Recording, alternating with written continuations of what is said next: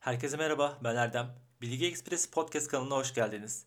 Kısa hikayeleri seslendirdiğim ikinci podcast ile sizlerleyim. İyi dinlemeler.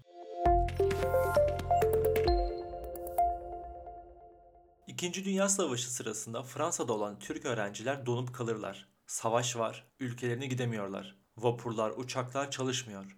O zaman içlerinden biri bir fikir ortaya atar. İsviçre savaşa katılmamıştır. Bir kütüphaneye gidecek, önce dağ yollarının içinde barındıran bir harita, sonra bir bisiklet alacak ve İsviçre'ye geçecek. Hayatta kalacaktır. Haritayı bulur, bisikleti alır ve 10 gün pedal çevirir. İsviçre'ye gider, hayatta kalır. O kişi şiirinde şunu demiştir. Yaş 35, yolun yarısı eder. O kişi Cahit Sıtkı Tarancı'dır.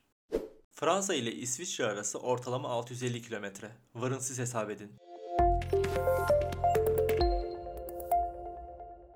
Japonya dünyaya açıldığında gemiler ardı ardına Yokohama limanına geldiler. Avrupalıların en çok beğendikleri şey ise Japon porseleni oldu. Öyle çok satın aldılar ki onları sarmak için kullanılan kağıtlar tükendi. Japon ressamları gidip kağıt aldılar. Porselenleri ona sardılar. Dönüş yolunda uğradıkları en büyük liman Belçika'ydı. Oraya getirilen kasa kasa porselenler kağıtlardan çıkarılıp götürülüyordu. Kağıtları yerlere atıyorlardı. Bir resim orada bulunan bir resmin bacağına dolanıyor. Ressam resmi alıp bakıyor ve şok oluyor. Aman tanrım bu bir ağaç. Sadece ağaç. Kral, kraliçe, hükümet sembolleri yok. Bir başka resim alıyor, bakıyor. Bir dalga, donanma yok. Sadece bir dalga. O Japonların yaptığı resimler Avrupa'nın resim sanatını değiştiriyor. Bacağına resim dolanan kişi Vincent van Gogh'tur.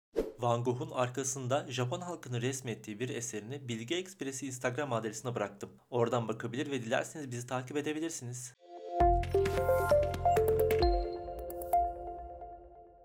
Almanlar Fransa'yı işgal ettiğinde Nazi askerleri Fransa'daki dükkanların her birine görünür bir şekilde asılmak üzere Hitler ve Mussolini'nin posterlerini verirler. Zorla astırır, asmazlarsa ölüm ile tehdit edilirler. Bir kitapçıya gelir sıra, askerler posterleri verir ve 2 saat içinde buradan tekrar geçeceğiz. Asmazsan ölürsün derler. Kitapçı kara kara düşünür. Bu iki katilin posterlerini ilim yuvası kütüphaneye nasıl asacağını bilemez. Evinin çoluğunun çocuğunu düşünür. Sonra birden raflardaki tüm kitapları yere indirir. Posterleri camın iki yanına da tutturur. Ortasına da bir kitap koyar. Tek bir kitap. Kitapta ne yazar biliyor musunuz? Victor Hugo, Sefiller.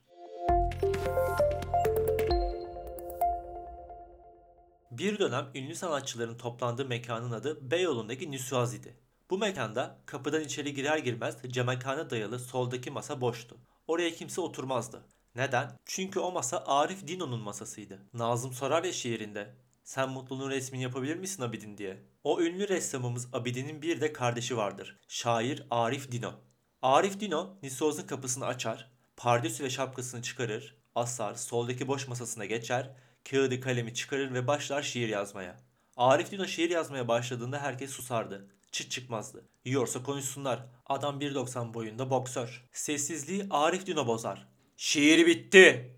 Herkes rahat nefes alır. Devam eder. Okuyayım mı? Yiyorsa okuma de. Arif Dino ayağa kalkar, yazdığı kağıdı alır ve tek dizelik şiirini okumaya başlar. Döner kebap dönmez olsun. Sanılanın aksine Apollo 11'de 3 mürettebat vardır. Sadece ikisi ay yüzeyinde yürüdü. Üçüncü gemide kaldı. Düşünsene, aynı eğitimi alıp testlerden geçiyorsun ama aya adım atamıyorsun. Mürettebat geri dönüş için modüle bindi. Kapıyı kapattılar. Ateşleme düğmesine basıldı. Ama o da ne? Hareket yok. Bir daha basıldı. Yine hareket yok. Bunu gören NASA hemen harekete geçti.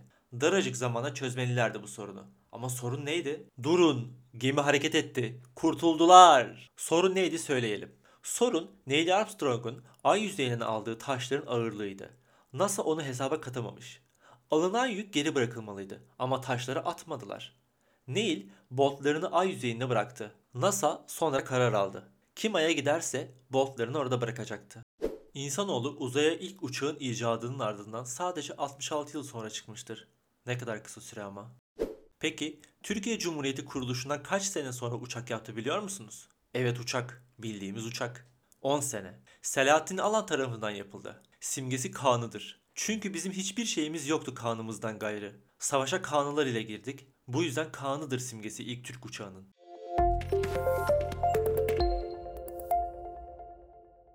Dünyadaki ibadethanelerin en üst noktasında temsil ettikleri dinin sembolleri vardır. Örneğin Çan Kulesi'nde haç ya da sinagoglarda Davudi yıldız.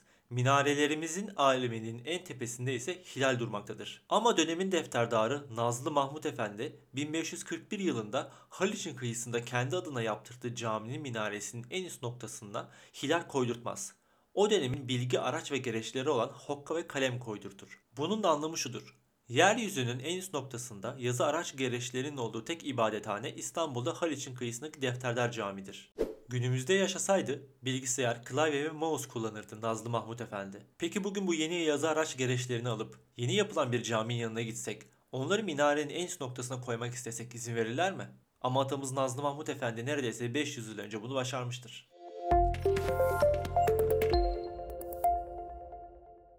Podcast'imizin sonuna geldik. Dinlediğiniz için teşekkürler. Bir sonraki podcast'te görüşmek üzere.